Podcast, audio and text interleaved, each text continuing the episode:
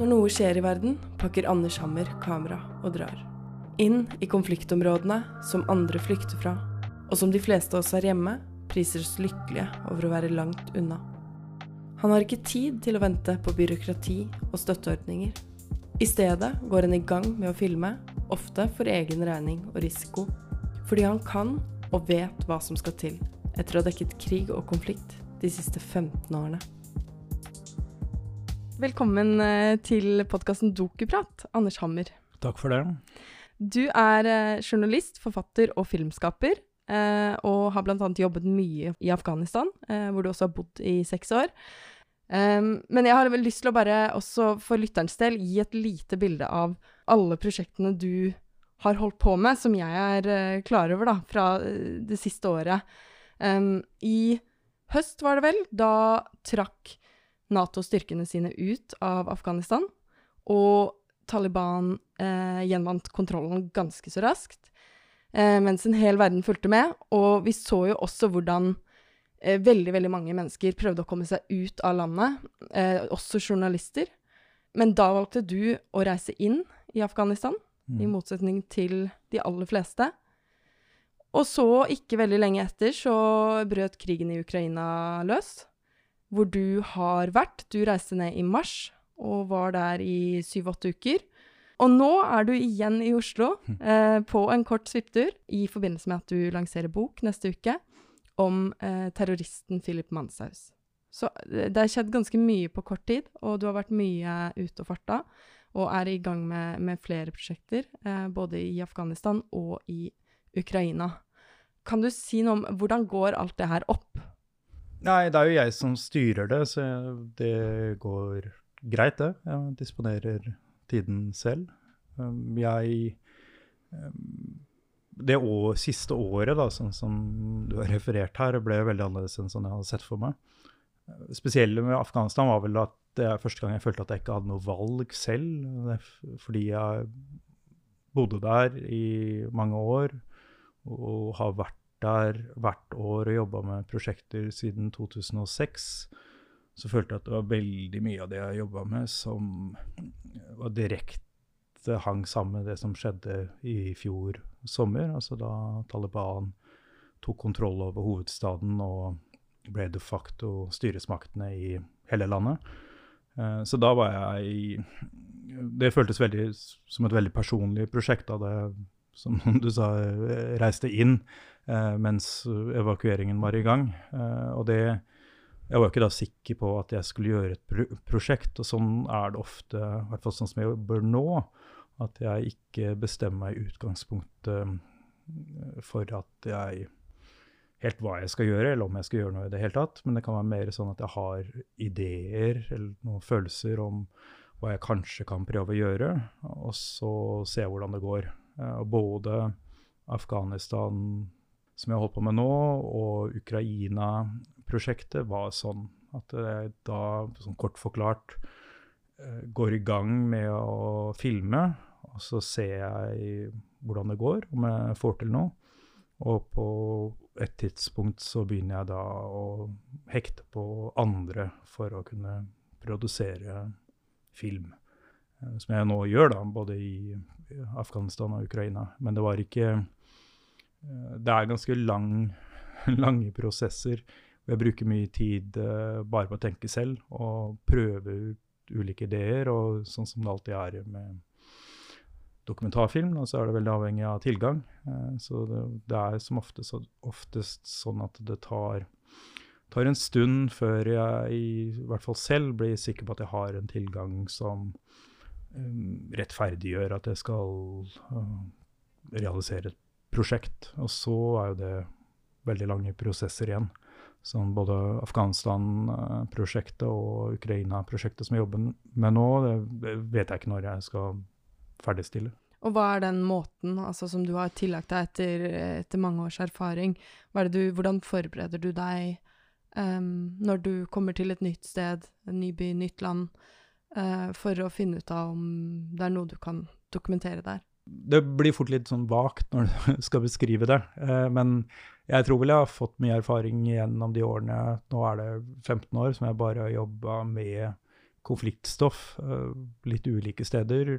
Og så har jeg vel selv uh, en ganske greit utvikla evne etter hvert til å vurdere om jeg har tilgangen som gjør at jeg skal i hvert fall gå videre med prosjektene. Da. Så jeg, det er ganske enkelt for meg å reise ut. Uh, jeg kan reise med en oppakning som jeg får plass på et fly, og så kan jeg gå i gang med å, å filme idet jeg lander. Så du har hatt mye tilstedeværelse i flere ulike konfliktområder. Um, og brukt mye tid der, og, og, beveget deg mer fra journalistikken etter hvert over i dokumentarfilm, og, samtidig som du også har skrevet bøker.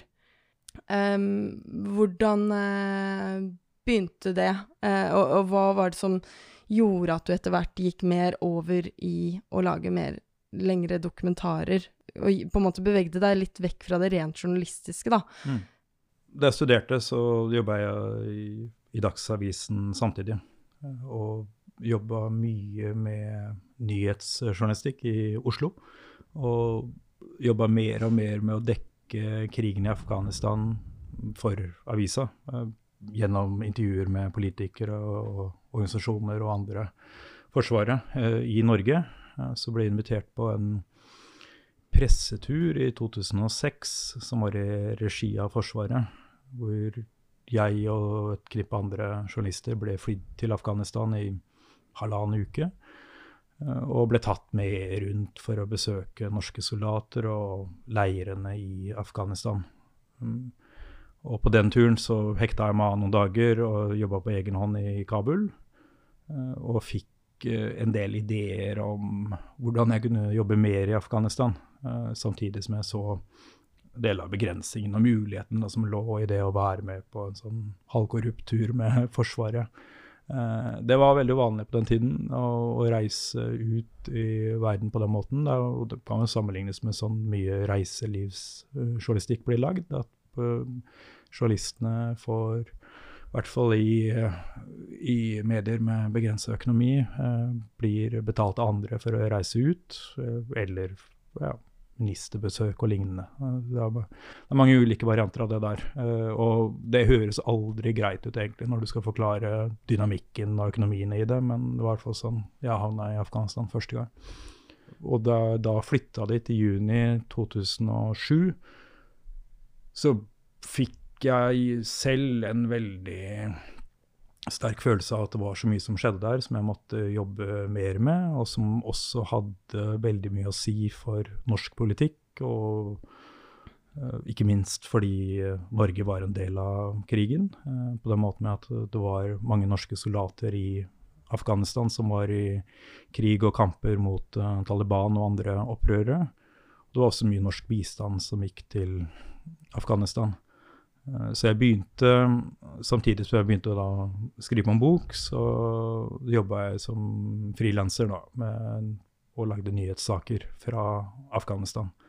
Men det jeg husker jeg savna, var en litt sånn fastere struktur og noen fastere avtaler, så jeg kunne planlegge både reportasjereiser og planlegge arbeidet sånn for, for, å dekke de ulike sidene da, av det som skjedde der. Eh, og så syns jeg det var veldig begrensende at veldig mye av det jeg rapporterte om, uh, gjaldt norske soldater. Uh, så jeg tenkte at jeg måtte finne andre måter å dekke livet i Afghanistan på, og også dekke konflikten og krigen videre enn sånn jeg gjorde som nyhetsjournalist. Um, og da um, jeg, jeg, føler vel at jeg ramla litt inn i dokumentarbransjen. Det var ikke det jeg studerte da jeg gikk på universitetet. Eh, og, og, jeg hadde heller ikke klare tanker om at det var det jeg skulle jobbe med da jeg begynte å jobbe med journalistikk. Et av problemene da med å jobbe med dokumentar er at det ofte kan ta veldig lang tid, og at man også går inn i et system som nok er tilpassa eh, i hvert fall av og til, litt andre prosjekter enn sånn jeg jobber. Eh, hvor man nettopp har en stolthet i det å kunne jobbe med et prosjekt i fem-seks år, da, som i veldig mange tilfeller er veldig bra.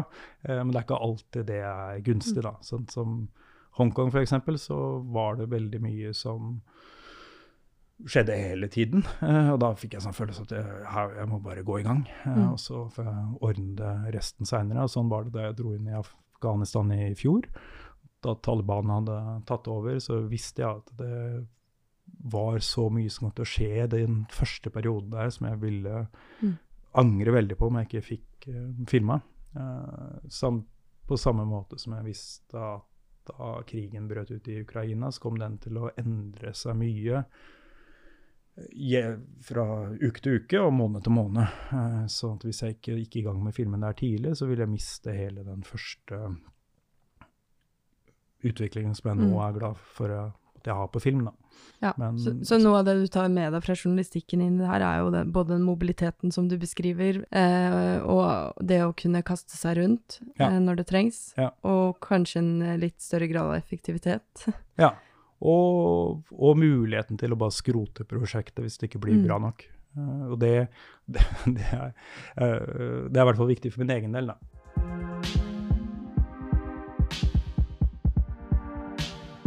Jeg har lyst til å snakke litt om Do Not Split, for den ble nominert til Oscar i klassen for beste kortdokumentar. Og den handler om eh, demokratiprotestene i Hongkong i 2019 og fram til koronaen, som satte en stopper for, eh, for disse demonstrasjonene. Eh, så i denne filmen så eh, har du fulgt eh, de som demonstrerer. Det har vært store folkemengder i Hongkong som demonstrerer mot eh, at deres eh, ytringsfrihet, menneskerettigheter, blir eh, stadig mer innskrenket av eh, Kina, fastlandskina, som eh, får, har fått mer og mer kontroll og, og makt og innflytelse. Only democracy can save us from this disaster of the colonial government. People can get fired for their political stance. People can get politically censored. So just imagine what will happen if we fail.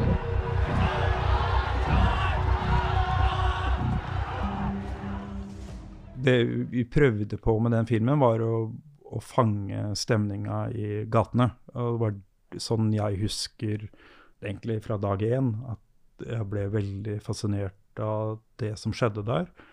Og begynte å tenke på hvordan jeg kunne prøve å fange det med kamera. Så for meg så var det et veldig fysisk prosjekt. Vi gjorde jo da opptak i mange, mange måneder, og til og med liksom kroppen min endra form i det prosjektet, fordi Mm. eh, det var så lange, varme dager ute. Eh, veldig mye løping og veldig mye forflytning sammen med demonstrantene. Eh, Jeg vil bare skyte inn, for, det, for de som ikke har sett den, den ligger jo tilgjengelig både på NRK og også på Field of Vision sine nettsider, så ligger den åpent ute. Eh, men det er jo en film som, mm, av hva jeg kan huske, nesten utelukkende består av klipp midt inne i protestene. Mm. Inne i store folkemengder. Det er veldig tett på Altså, din kropp med kamera følger jo egentlig bare med denne folkemengden Mm. i det som oppstår. Eh, og det er ganske kaotiske tilstander, da. Mm. Ja. Mm. Eh, og det, det var egentlig målet veldig tidlig. For jeg, jeg måtte gå tilbake og se på de første søknadene jeg skrev om støtte til det prosjektet. Eh, og jeg kunne da sammenligne med hvordan filmen ble. Eh, og så jo at det var ideen fra utgangspunktet var å komme så tett på som mulig på demonstrantene. De var i veldig stor grad veldig unge mennesker som brukte enormt mye tid til å vise sin motstand mot de politiske endringene og måten de mista eh, grunnleggende menneskerettigheter på. Jeg var veldig glad for å få muligheten til, til å gjøre det prosjektet, fordi for meg så føltes det som en av de viktigste som internasjonale konfliktene. Det har veldig mye å gjøre med Kinas ekspansjon og deres økonomiske og politiske ambisjoner i verden. Kort fortalt så blir Hongkong endra til en hvilken som helst annen by i fastlandskina. Kan du beskrive, eh, da du var i Hongkong og filmet Du har vel hatt eh, 150 opp, 120 opptaksdager eller noe sånt, har det vært snakk om? Ja. Det er ganske enorme mengder materiale Mm. eh, fra protestene. Um, men kan du fortelle litt om hvordan en vanlig, eller en typisk opptaksdag har sett ut? Hvordan du forbereder deg, eh, går i gang? Um, og kanskje også noe med dette med at eh, du står jo midt inn i folkemengdene. Uh, og vi ser i filmen at det kastes uh, brannbomber, det er tåregass, det er mye som skjer. Uh, så det er jo også en egensikkerhet her for deg da, som man må tenke på, mens du står jo med kamera og har ikke nødvendigvis kontroll på alt som skjer rundt deg. Uh, så gjerne høre litt om en, en typisk opptaksdag, og hvordan det Ja. har fungert. Det var en veldig spesiell periode. altså De demonstrasjonene i Hongkong starta da sommeren 2019. Og det var enormt mange demonstrasjoner eh, i, gjennom da det neste halvåret. Litt til.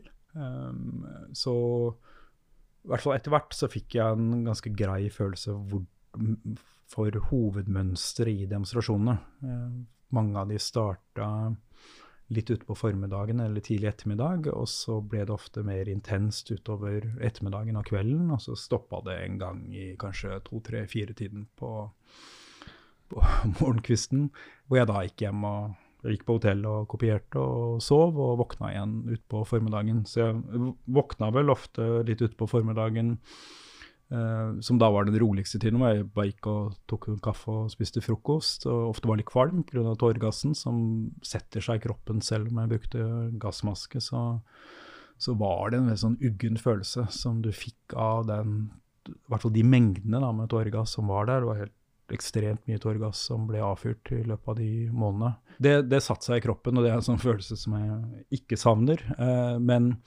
det var veldig uforutsigbart. Eh, demonstrantene var eh, veldig forsiktige med å kommunisere hva som skulle skje, fordi det var også en sentral del av deres strategi var å overraske myndighetene. Eh, De var veldig forsiktige med hvordan de kommuniserte. Mye krypterte apper. Og selv om jeg ble kjent med en del av dem, og også fulgte dem gjennom hele dager, så var det også begrensa hvor mye de fortalte meg i detalj om hva som skulle skje, og hva som var planlagt. Mm. Så ble det veldig ofte annerledes, enn sånn de hadde planlagt, eh, fordi de ble satt under press fra politiet og, og rømte fra dem, eh, og prøvde da å regruppere et annet sted, og ofte gjøre noe annet da enn det de egentlig hadde prøvd på. Så det var ekstremt uforutsigbart. Eh, Jeg løste det ved å ha masse minnekort, masse batterier, eh, og så prøvde jeg bare å ha en så lett oppakning at jeg kunne henge på. eh, og være i stand til å filme mest mulig, fordi veldig mye av det jeg filma, visste jeg ikke hva, hvordan skulle ende. Jeg visste ofte ikke hvordan situasjonene kunne utvikle seg. Eh, men det jeg ofte gjorde, var å følge en enkelt demonstrant, og fant det som en ganske sånn grei løsning, fordi det ville vært så vanskelig å bytte gjennom en dag, eh, fordi man hele tiden var i bevegelse i, i byen. Eh, så det å skulle avtale møter og i hele tatt kommunisere med noen som ikke var der jeg var, det ville vært veldig vanskelig. Det var veldig varmt, og det var gikk, vel, jeg gikk veldig mye som de andre i løpet av en dag, eller løp. Eh, så det var en sånn enorm sånn fysisk belastende periode. Men ofte så var jeg ute i 12-14 timer. Eh, og de månedene så var det bare det jeg jobba med, og i det hele tatt gjorde. Eh, sikkerhetsmessig syns jeg det var greiere enn eh, mange andre steder jeg jobba. Det var mye farligere å jobbe i Irak og Syria, Afghanistan og Ukraina enn det det var for meg i Hongkong. Det er ikke noe tvil om at jeg ble behandla bedre av politiet i begynnelsen enn mange lokale reportere. Det endra seg litt etter hvert ved at de også ble kjipere og mer hardhendte mot uh, oss som kom fra utlandet. Uh, men, men de skjøt sjelden med skarpt, f.eks.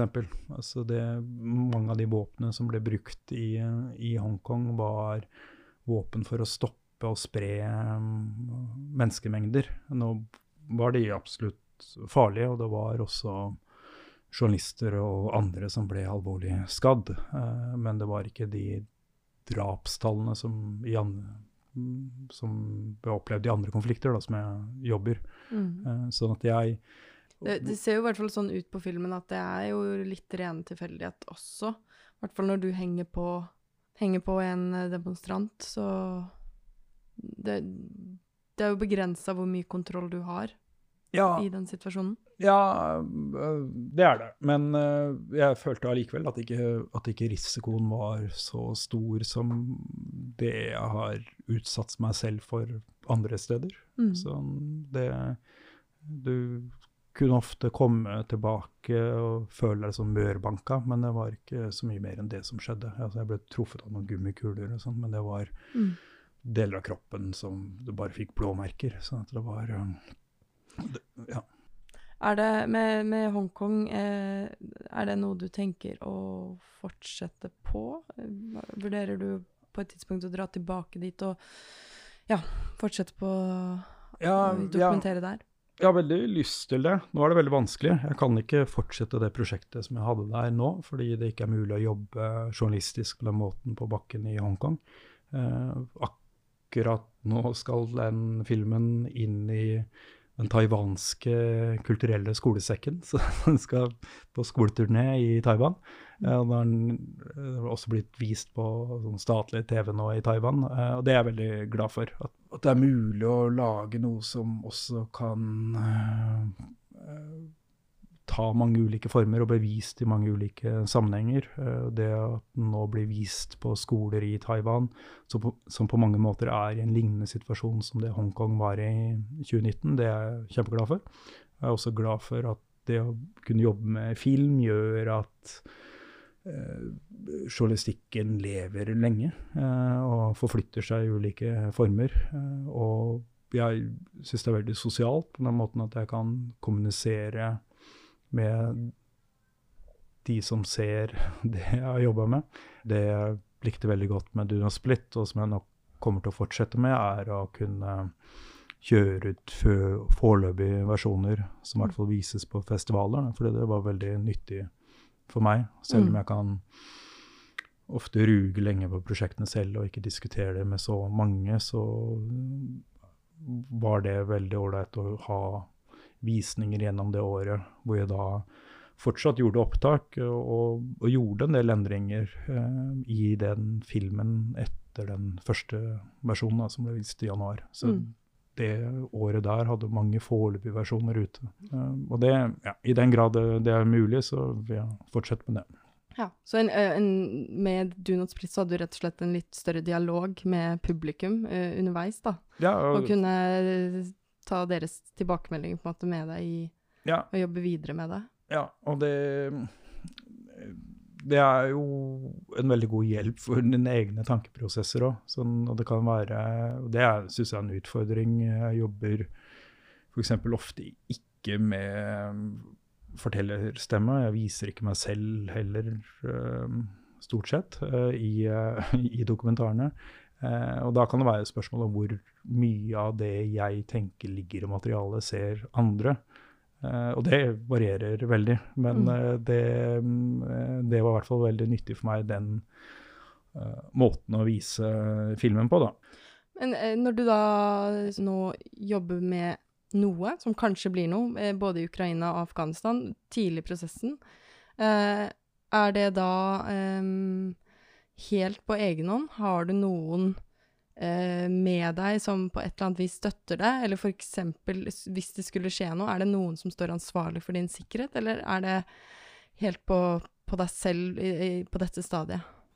Eh, Det har også variert ut med ulike prosjekter. Um, og det eh, Sånn jeg jobba de siste årene, så har jeg vært tilknytta Field of Vision, som var eh, også de jeg samarbeider med Hongkong-filmen, som også er de jeg samarbeider med nå.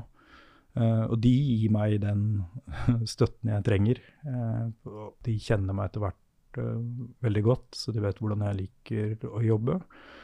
Og så har jeg vel blitt flinkere selv til å være klar på hva jeg trenger eh, hjelp til, eller ikke er så glad i å gjøre selv.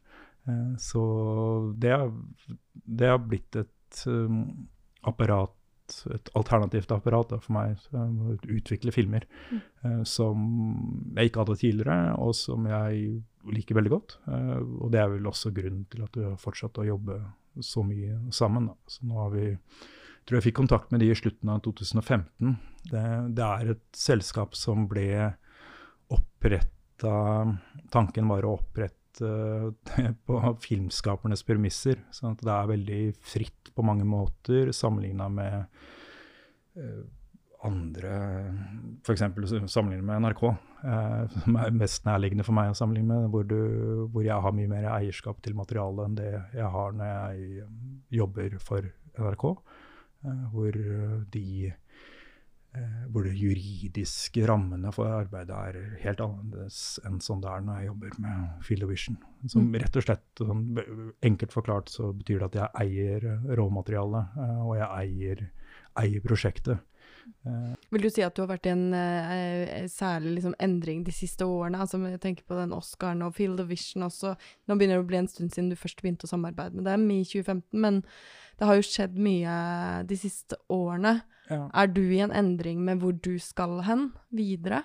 Ja, det tror jeg. Men det, det, det har, sånn har det sikkert vært hele tiden. Eh, men jeg har nok følt at jeg har fått en annen ro rundt måten å jobbe på uh, de siste årene. Uh, det kan også være rett og slett fordi jeg har blitt eldre.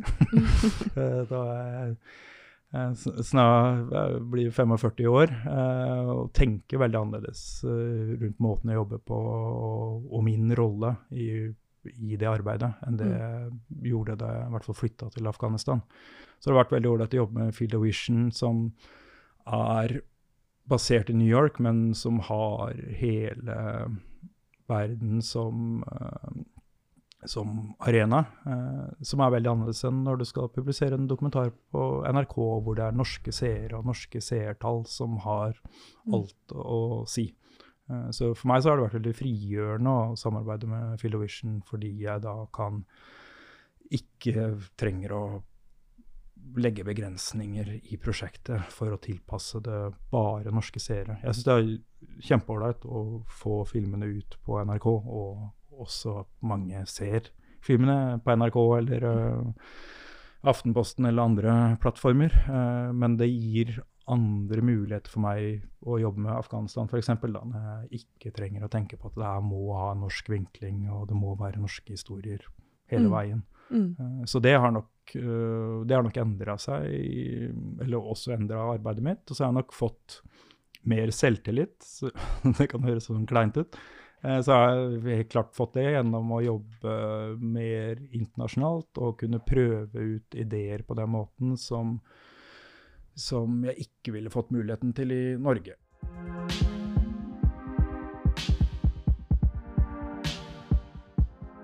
Jeg har lyst til å høre litt mer om um, vi, vi, snakket om innledningsvis uh, om at du nå nylig har vært i Ukraina. Mm. Um, hvor mye kan du si om prosjektet du har satt i gang der, eller hva du har gjort der i de uh, syv ukene du har vært der denne våren? Jeg var blant mange som ble overraska da russiske soldater invaderte Ukraina. Og jeg var ikke sikker på at jeg skulle jobbe med det, men dro dit da i begynnelsen av mars uh, for å se om det var noen måter jeg kunne jobbe med, med å dekke utviklingen.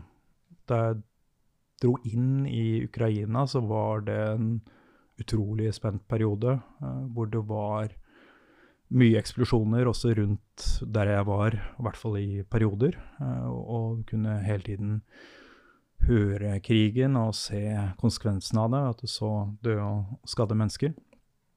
Ukraina-krigen er eh, ekstremt brutal.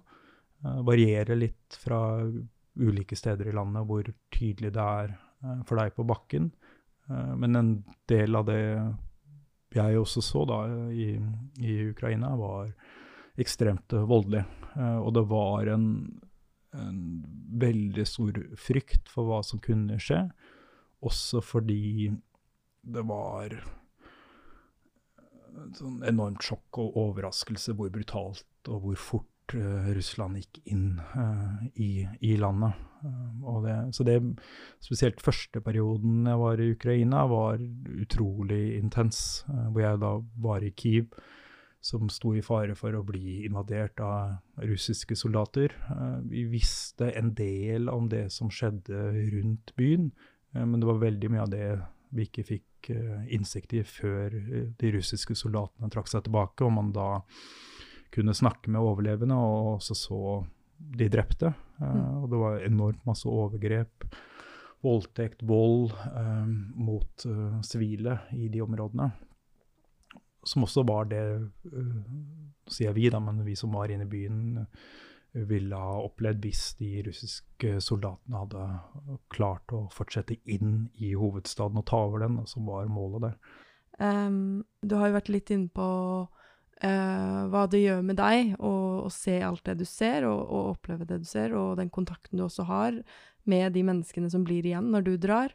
Um, jeg vet, altså det er en fare med alle som jobber med konflikt, at du kan bli utsatt for uh, psykiske belastninger som også skader deg selv. Uh, jeg har mange venner etter hvert som på ulike måter har um, utvikla psykiske problemer gjennom jobben. Uh, og det prøver jeg å være bevisst på hvis det er det du spør om, da, så er det, er det noe jeg prøver å være bevisst på selv når jeg jobber. Og så prøver å føle på hvordan jeg har, har det selv. Uh, det jeg syns er veldig god hjelp, som jeg bare siste året har erfart veldig godt både i Afghanistan og Ukraina, er at jeg har mange venner som jobber med det samme, og som jeg treffer, om ikke daglig, så ofte i felt.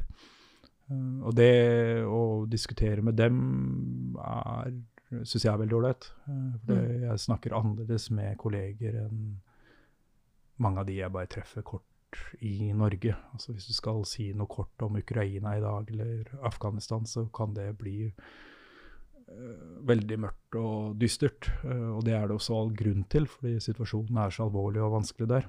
Uh, men jeg føler at jeg kan snakke om det, og også det psykologiske aspektet på en annen måte da, med andre som jobber med det samme. Mm. Så det, det, er nok det som har fungert best for meg. Samtidig som jeg prøver å lytte til kroppen og, og eget hode, da, og se når jeg selv begynner å bli sliten. Mm.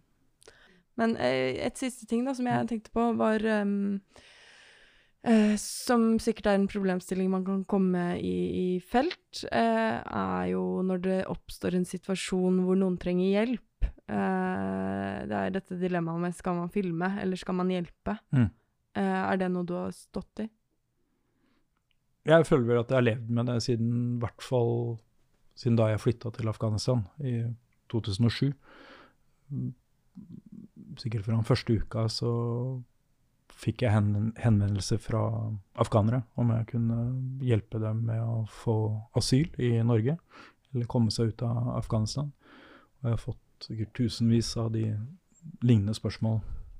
Uh, og i Afghanistan så ble det veldig tydelig for meg at jeg ikke kunne gå inn i en sånn aktivistrolle og, og begynne med å hjelpe folk til å rømme derfra.